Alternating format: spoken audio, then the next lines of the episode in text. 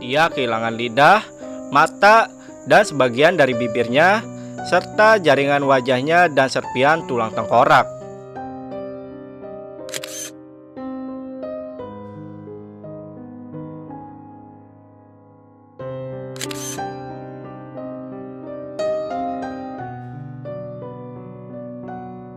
Assalamualaikum warahmatullahi wabarakatuh. Selamat malam teman-teman. Kembali lagi di Lentera Malam bareng gua Jamal. Dan di segmen cerita horor kali ini Gua akan membawakan sebuah cerita tentang kisah 9 pendaki asal Rusia Yang meninggal secara misterius saat mendaki di pegunungan Ural pada tahun 1959 Dan mungkin kali ini gue juga akan membawakan cerita horornya agak sedikit berbeda nih.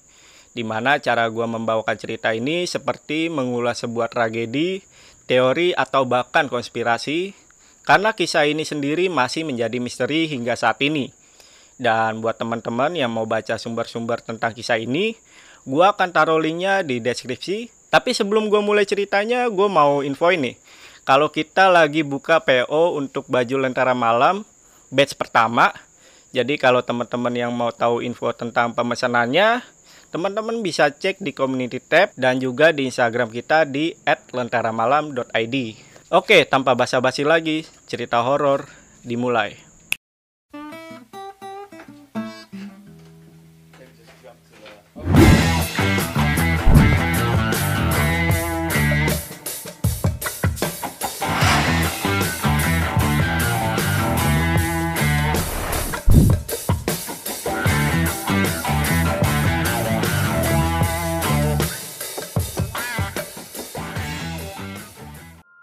Pada bulan Januari 1959, sembilan pendaki muda yang merupakan para pemain ski asal Soviet tewas dalam keadaan misterius saat melakukan pendakian melalui pegunungan Ural yang kelak akan dikenal sebagai insiden Dyatlov Pass. Sebuah kelompok dibentuk untuk ekspedisi ski melintasi Ural Utara di Oblast Sverdlov, Uni Soviet.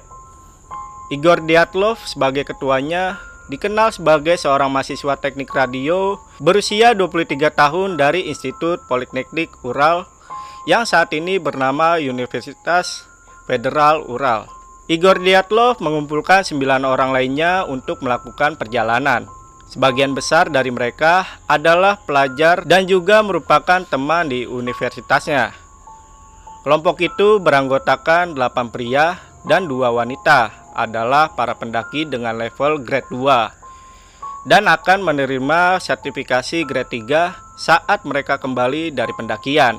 Pada saat itu, grade tersebut adalah sertifikasi tertinggi yang berlaku di Uni Soviet yang mengharuskan kandidat untuk melintasi 300 km atau 190 mil. Tujuan ekspedisi adalah untuk mencapai Gora Otorten sebuah gunung dengan jarak 10 km ke utara dari lokasi kejadian. Dan rute ini dinyatakan sebagai rute grade 3, yaitu rute yang paling sulit. Kelompok ini tiba dengan kereta api di Ivdel, sebuah kota di pusat provinsi utara Svetlov. Pada dini hari tanggal 25 Januari 1959. Mereka kemudian naik truk ke desa Vijay sebuah desa yang merupakan pemukiman terakhir yang dihuni di bagian utara. Saat menghabiskan malam di Vijay, para pemain ski membeli dan memakan roti untuk menjaga tingkat energi mereka untuk pendakian pada hari berikutnya. Pada 27 Januari 1959, mereka memulai perjalanan menuju Gora Otorten dari desa Vijay. Pada 28 Januari 1959, Salah satu anggota pendaki yaitu Yuri Yudin memiliki beberapa riwayat penyakit kesehatan. Um, dia memiliki penyakit rematik dan cacat jantung bawaan. Dia kembali ke desa karena sakit lutut dan persendian yang membuatnya tidak dapat melanjutkan pendakian dan sembilan orang yang tersisa melanjutkan perjalanan. Pada tanggal 31 Januari 1959, kelompok itu tiba di tepi daerah dataran tinggi dan mulai bersiap untuk mendaki. Di lembah berutan, mereka menyimpan kelebihan persediaan makanan dan peralatan yang akan digunakan untuk perjalanan pulang. Hari berikutnya, tanggal 1 Februari, para pendaki mulai berjalan melewati jalur pendakian. Tampaknya mereka berencana untuk melewati jalur pendakian dan membuat kemah untuk malam berikutnya di sisi yang berlawanan. Tetapi karena kondisi cuaca yang memburuk, badai salju dan penurunan jarak pandang, mereka kehilangan arah dan menyimpang ke arah barat menuju puncak Kolat Sakil. Ketika mereka menyadari kesalahan arah mereka, kelompok itu memutuskan untuk berhenti dan mendirikan kemah di lereng gunung. Sebelum keberangkatan mereka, Diatlov berjanji akan mengirim telegram ke klub olahraga mereka segera setelah mereka kembali ke Vijay. Diharapkan pendakian ini selesai selambat-lambatnya pada tanggal 12 Februari 1959 atau mungkin lebih lama dari itu.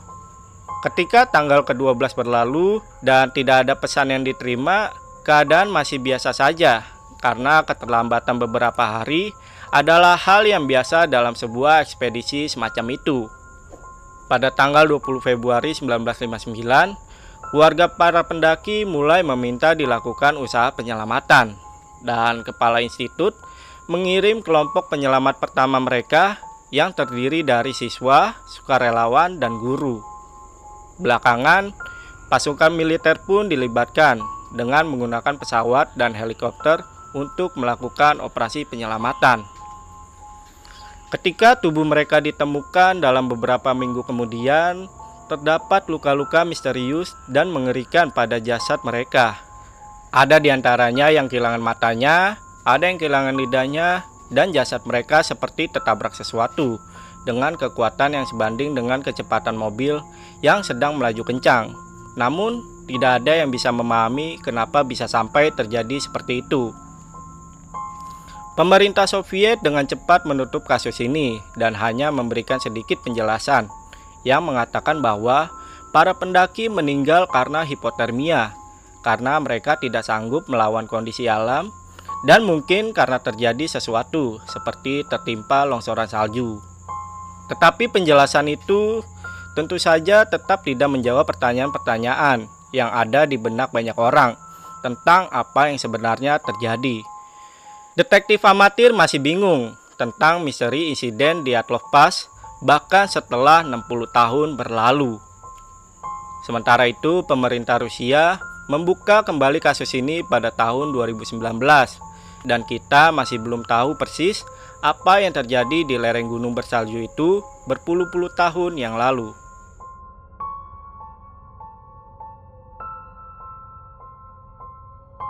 Berdasarkan apa yang ditemukan dari kamera dan buku harian yang ditemukan di lokasi kematian para pendaki, para penyelidik dapat menyimpulkan bahwa pada tanggal 1 Februari, kelompok ini mulai melakukan perjalanan.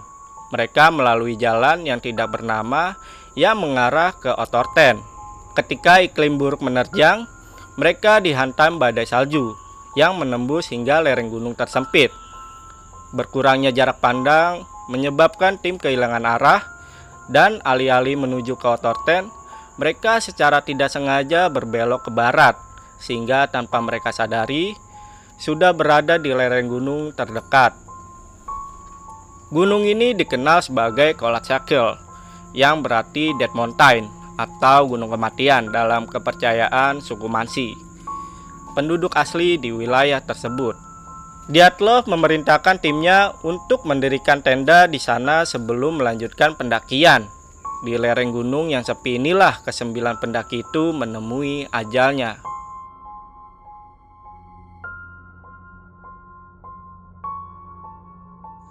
Pasukan penyelamat menyusuri Diatlov Pass dan menemukan lokasi perkemahan mereka, tetapi tidak ada pendaki di sana. Kemudian tentara dan polisi pun dikirim untuk menyelidiki apa yang terjadi pada tim yang hilang. Ketika mereka di gunung, para penyelidik tidak terlalu banyak berharap, meskipun kelompok itu terdiri dari pendaki yang berpengalaman. Tapi rute yang mereka pilih sangatlah sulit, dan kecelakaan pada jalur gunung yang rumit ini benar-benar membahayakan. Karena para pendaki telah lama hilang, para penyelidik berharap untuk segera menutup kasus ini sebagai faktor kecelakaan di area yang berbahaya. Dan meski dugaan mereka benar, tapi itu hanya sebagian kebenaran saja. Mereka memang menemukan mayat-mayat pendaki, Namun keadaan jasad yang ditemukan itu hanya menimbulkan lebih banyak pertanyaan. Dan pada 26 Februari 1959, penemuan jasad pendaki membuka misteri sebenarnya dari peristiwa di Atloh Pass yang berlanjut hingga hari ini.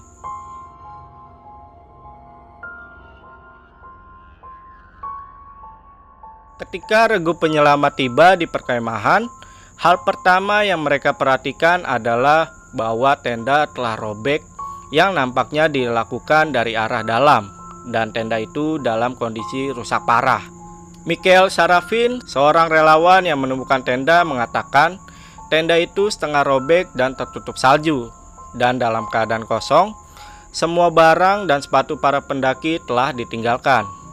Mereka kemudian menemukan 8 atau 9 pasang jejak kaki dan jejak itu sepertinya adalah jejak kaki yang hanya memakai kaos kaki saja. Jejak satu sepatu tanpa ada pasangannya dan ada pula jejak telanjang kaki. Jejak ini mengarah ke tepi hutan terdekat, hampir satu mil jauhnya dari tenda mereka. Namun setelah 500 meter, jejak ini tertutup salju. Di tepi hutan di bawah pinus Siberia besar, para pencari menemukan sisa-sisa pembakaran api kecil. Terlihat ada dua jenazah pertama yang ditemukan, yaitu Yuri Krivonisenko 23 tahun dan Yuri Dorosenko 21 tahun. Meskipun suhu saat itu berkisar minus 25 derajat hingga minus 30 derajat Celcius, pada malam hari kematian mereka, tubuh kedua pria itu ditemukan tanpa sepatu dan hanya mengenakan pakaian dalam. Cabang-cabang di pohon itu pun patah dari ketinggian 5 meter, menunjukkan bahwa salah satu pendaki telah memanjat untuk mencari sesuatu. Di antara pohon pinus dan tenda, para pencari menemukan tiga mayat lagi, yaitu sang pemimpin regu Diatlov, Jinaida 22 tahun, dan Rustem 23 tahun, yang tampaknya telah meninggal dalam posisi yang menunjukkan bahwa mereka berusaha untuk kembali ke arah tenda. Mereka ditemukan secara terpisah pada jarak 300, 480, dan 630 meter dari pohon. Walaupun segalanya tampak janggal, tapi para penyelidik menentukan penyebab kematian mereka. Semua pendaki, kata mereka, meninggal dunia karena hipotermia. Tubuh mereka tidak menunjukkan indikasi kerusakan eksternal yang parah di luar apa yang ditimbulkan oleh hawa dingin. Namun dugaan ini mengabaikan fakta yang tidak bisa dijelaskan. Mengapa kulit korban bernama Dorosenko berwarna coklat kemerahan atau mengapa ada busa abu-abu yang berasal dari pipi kanannya dan cairan abu-abu yang keluar dari mulutnya. Lebih jauh lagi, ini tidak menjelaskan mengapa tangan kedua pendaki di bawah pohon pinus tergores dan cabang-cabang pohon di atas mereka patah seolah-olah kedua pria itu telah berusaha mati-matian untuk mencari perlindungan dari sesuatu atau seseorang di atas pohon. Sementara itu, Korban yang bernama Rustem mengalami cedera kepala, seperti seseorang yang habis terjatuh, kemudian dipukul kepalanya berulang-ulang. Sementara korban bernama Jinaida memiliki memar berbentuk kotak panjang di tubuhnya. Kedua pendaki ini serta yang lainnya yang ditemukan pada titik ini juga umumnya berpakaian minim dan saling memakai baju milik sesama pendaki. Yang akhirnya disimpulkan Mungkin mereka seperti sedang melarikan diri dari sesuatu yang secara tiba-tiba dan tanpa persiapan di malam yang membeku itu. Ketika empat mayat lainnya ditemukan dua bulan kemudian, misteri kematian mereka pun semakin dalam. Mereka akhirnya ditemukan pada 4 Mei, terkubur salju setinggi 4 meter di dalam sebuah jurang sedalam 75 meter dengan lokasi lebih masuk ke arah hutan dan tubuh mereka tampaknya lebih banyak menyimpan kisah-kisah yang lebih mengerikan daripada tubuh anggota yang telah ditemukan sebelumnya. Tiga dari empat orang itu berpakaian lebih baik daripada jasad satu orang lainnya, dan sepertinya mereka mengambil pakaian milik rekannya yang telah meninggal terlebih dahulu. Korban bernama Nikolai 23 tahun mengalami kerusakan pada tengkoraknya yang sepertinya terjadi sebelum kematiannya. Sementara Liutmila 20 tahun dan Semyon 38 tahun mengalami patah tulang dada yang parah yang hanya bisa disebabkan oleh kekuatan besar yang sebanding dengan sebuah kecelakaan mobil. Di bagian paling mengerikan dari peristiwa Diatlov Pass adalah korban bernama Dubinina. Dia kehilangan lidah, mata, dan sebagian dari bibirnya, serta jaringan wajahnya dan serpian tulang tengkorak. Sementara Jolotaryov kehilangan bola matanya. Mereka juga menemukan mayat Alexander Kolevatov, 24 tahun, di lokasi yang sama tetapi tanpa luka yang serupa meski kehilangan alis matanya.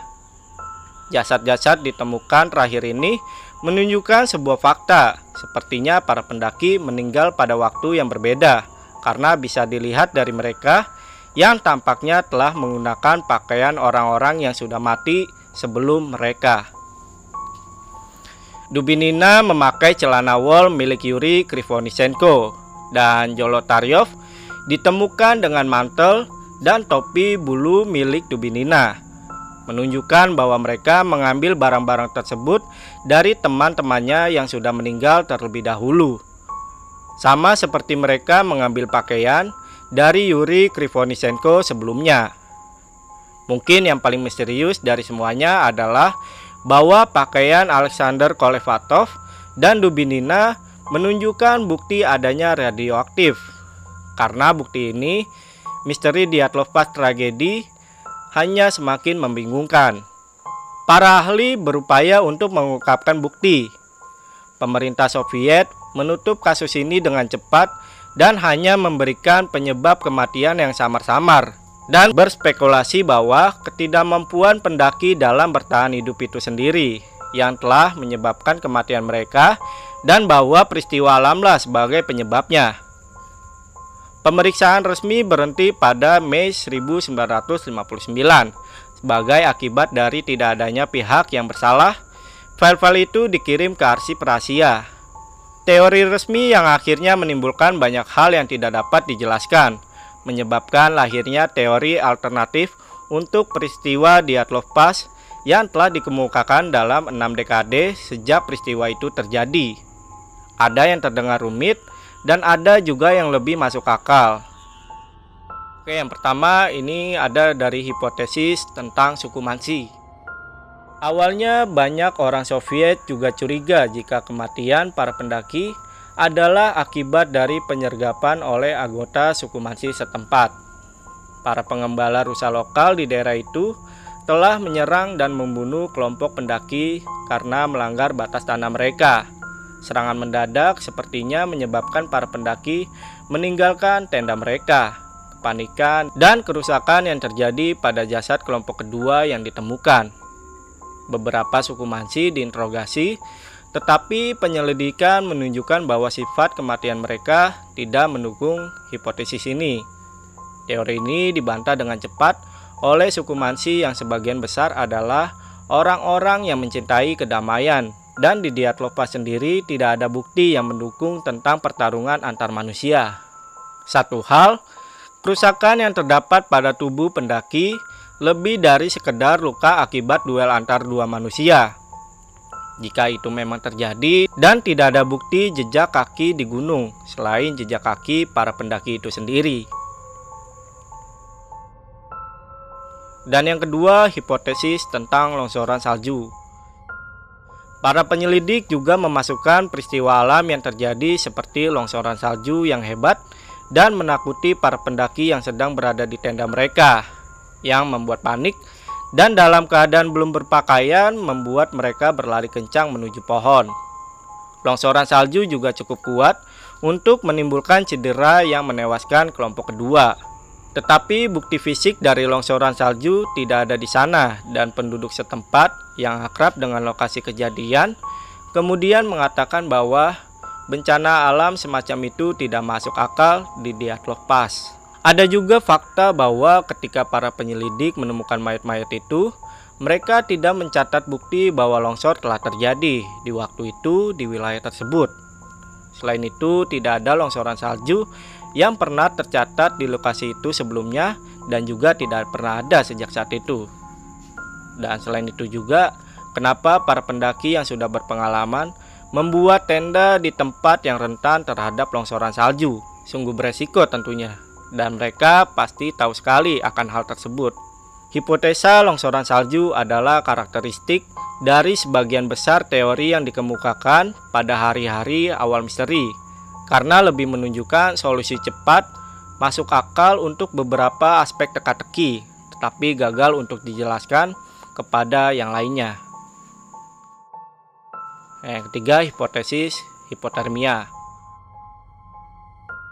Beberapa orang mencoba menjelaskan perilaku aneh para pendaki serta minimnya pakaian yang mereka pakai dan membandingkannya dengan teori tentang efek hipotermia. Pemikiran dan perilaku yang irasional adalah tanda awal yang umum untuk orang yang terkena hipotermia. Ketika seorang korban mendekati kematian, mereka mungkin secara paradoks menganggap diri mereka terlalu panas, menyebabkan mereka melepas pakaian mereka. Sedangkan luka pada tubuh kelompok kedua dalam peristiwa ini disebabkan oleh jatuhnya sesuatu yang tajam dari tepi jurang. Namun teori hipotermia tidak menjelaskan mengapa para pendaki meninggalkan tenda hangat mereka dalam kepanikan menuju luar yang justru sangat dingin. Nah, untuk selanjutnya ada hipotesis tentang makhluk Yeti. Meskipun teori pertarungan antar manusia secara efektif dikesampingkan, sebagai penyebab dibalik insiden di Atlof Pass, beberapa orang mulai berteori tentang penyerang bukan manusia. Beberapa mulai mengklaim bahwa para pendaki dibunuh oleh Meng atau semacam Yeti Rusia. Untuk menjelaskan teori, adanya kekuatan yang sangat besar yang diperlukan untuk menyebabkan cedera pada tiga pendaki. Mungkin ini adalah hipotesa yang paling aneh hingga saat ini. Namun hipotesa ini dikemukakan dalam dokumenter Discovery Channel pada Juni 2014 dalam judul Russian Yeti The Killer Lives. Menurut dokumenter siaran tersebut, tayangan perdananya mengatakan pada tanggal 2 Februari 1959, 9 mahasiswa mendaki lereng salju pegunungan Ural di Rusia, tetapi tidak pernah berhasil kembali hidup-hidup. Penyelidik tidak pernah mampu memberikan jawaban siapa atau apa yang menyebabkan tewasnya 9 orang pendaki. 55 tahun kemudian, penjelajah Amerika bernama Mike Libecki menyelidiki kembali misteri yang dikenal sebagai insiden The Dyatlov Pass. Tetapi apa yang dia kemukakan benar-benar mengerikan. Mengikuti jejak bukti, Mike menemukan fakta bahwa para pejalan kaki itu tidak sendirian. Sebuah foto yang diambil oleh salah seorang pendaki sehari sebelum mereka meninggal yang menunjukkan bahwa mereka bertemu dengan Yeti. Ya, betul sekali. Menurut Discovery Channel, kelompok Diatlov menemui ajal mereka oleh sesosok makhluk Yeti yang juga dikenal sebagai manusia salju atau bisa disebut juga dengan Bigfoot. Sudah lama dikabarkan bahwa makhluk mirip Yeti menghuni belantara Siberia dan pegunungan Ural di sebelah barat. Meskipun makhluk berbulu ini kadang terlihat, tapi tidak ada yang bisa menunjukkan bukti keberadaan mereka. Namun demikian, pembawa acara Mike Libecki mengatakan insiden di Atlov Pass membuktikan bahwa makhluk itu memang nyata. Katanya, ketika aku menemukan fakta bahwa salah satu pendaki kehilangan lidah, aku langsung tahu kalau itu bukan disebabkan oleh longsoran salju. Sesuatu telah merobek lidah wanita ini. Sesuatu yang bisa disimpulkan hanya bisa dilakukan oleh sesosok Yeti. Sebagai bukti lebih lanjut, ia mempresentasikan dugaan foto Yeti yang diambil oleh anggota ekspedisi Diatlov. Di luar benar atau tidaknya bahwa itu adalah sosok Yeti, tapi yang jelas bahwa sosok di foto itu menyerupai manusia, seorang pria dewasa atau bisa kita sebut makhluk. Teori ini diyakini oleh mereka yang fokus pada kerusakan wajah Dubinina. Sementara sebagian besar menjelaskan jaringan wajah yang hilang sebagai akibat dari pembusukan yang disebabkan oleh jasad yang terendam parsial dalam aliran air di bawah salju. Dan bagaimana dengan hipotesa bola api yang muncul di langit di waktu kejadian? Dilaporkan bahwa saksi mata di Ural Utara melihat bola api yang bergerak cepat di langit malam, sekitar waktu insiden di Atlov Pass. Diduga bahwa ini adalah uji coba rudal atau roket Soviet. Apa pun benda itu namanya, tapi bola api itu seperti meledak atau memancarkan seberkas energi yang tidak bisa digambarkan secara langsung, yang mungkin telah menyebabkan kematian para pendaki itu.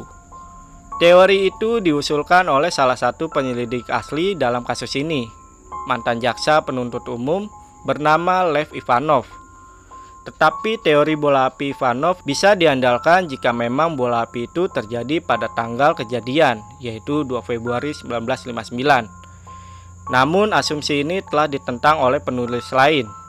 Pendaki gunung Rusia bernama Evgeny Buyanov mengatakan ia tidak menemukan laporan yang dapat diverifikasi mengenai benda-benda yang muncul di angkasa di Ural pada tanggal tersebut.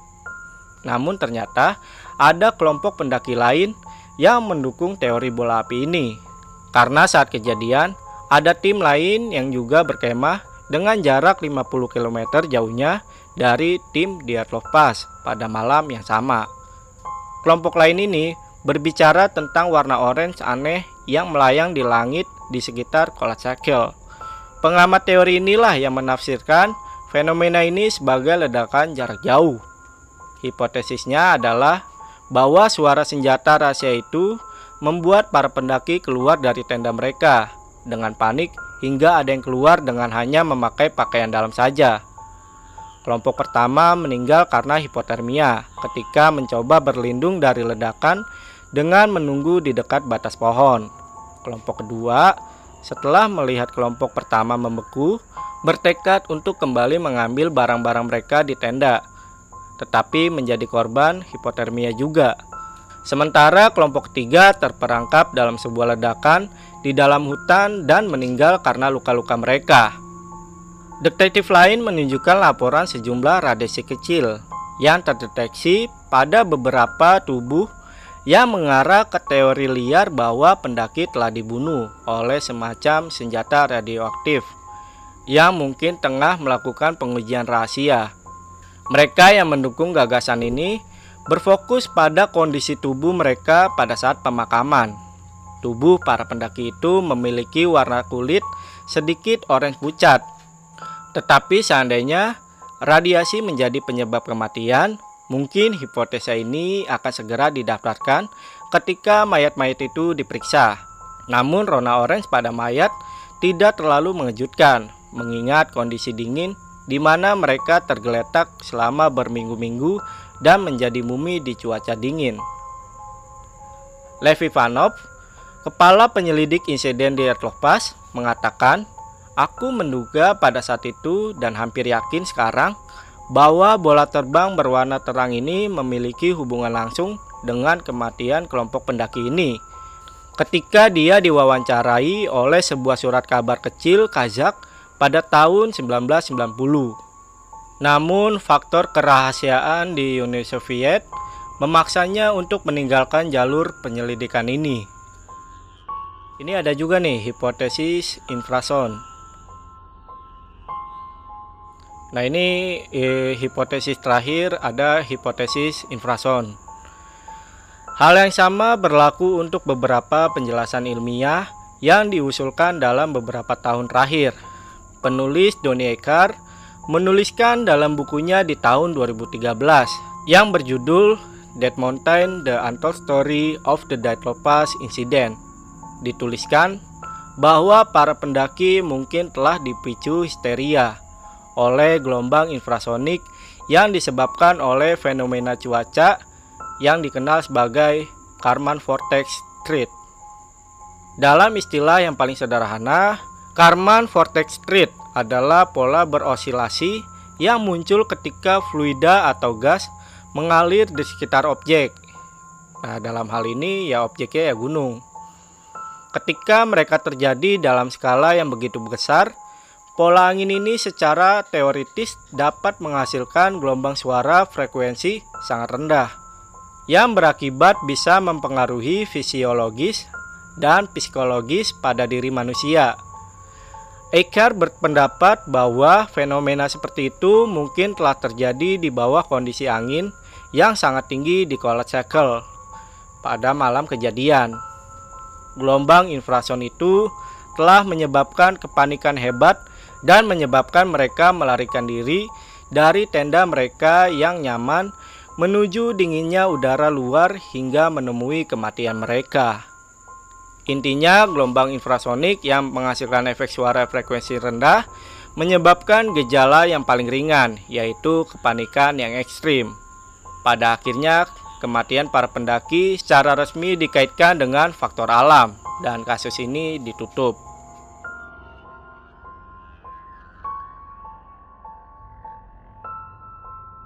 Namun pada tahun 2019, pejabat Rusia membuka kembali kasus itu untuk penyelidikan baru.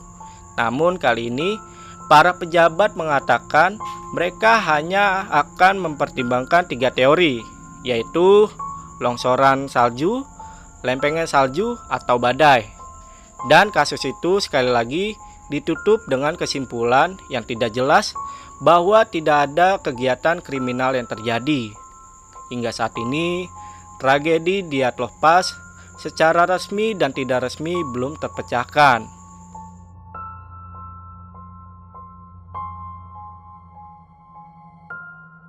Lereng gunung tempat terjadinya tragedi dinamai Dyatlov Pass untuk menghormati ekspedisi yang diambil dari nama pemimpin grup mereka yaitu Dyatlov. Sebuah monumen untuk sembilan pendaki pun didirikan di pemakaman Mikaslov di Yekaterinburg. Di sanalah rahasia kebenaran yang sebenarnya dari apa yang terjadi malam itu di Dyatlov Pass terkubur untuk selamanya. Oke itu tadi untuk cerita horor pada video kali ini dan gue mau uh, mereview kembali cerita yang gue bawain bareng teman-teman nih. Sebelum itu gue bakar rokok dulu.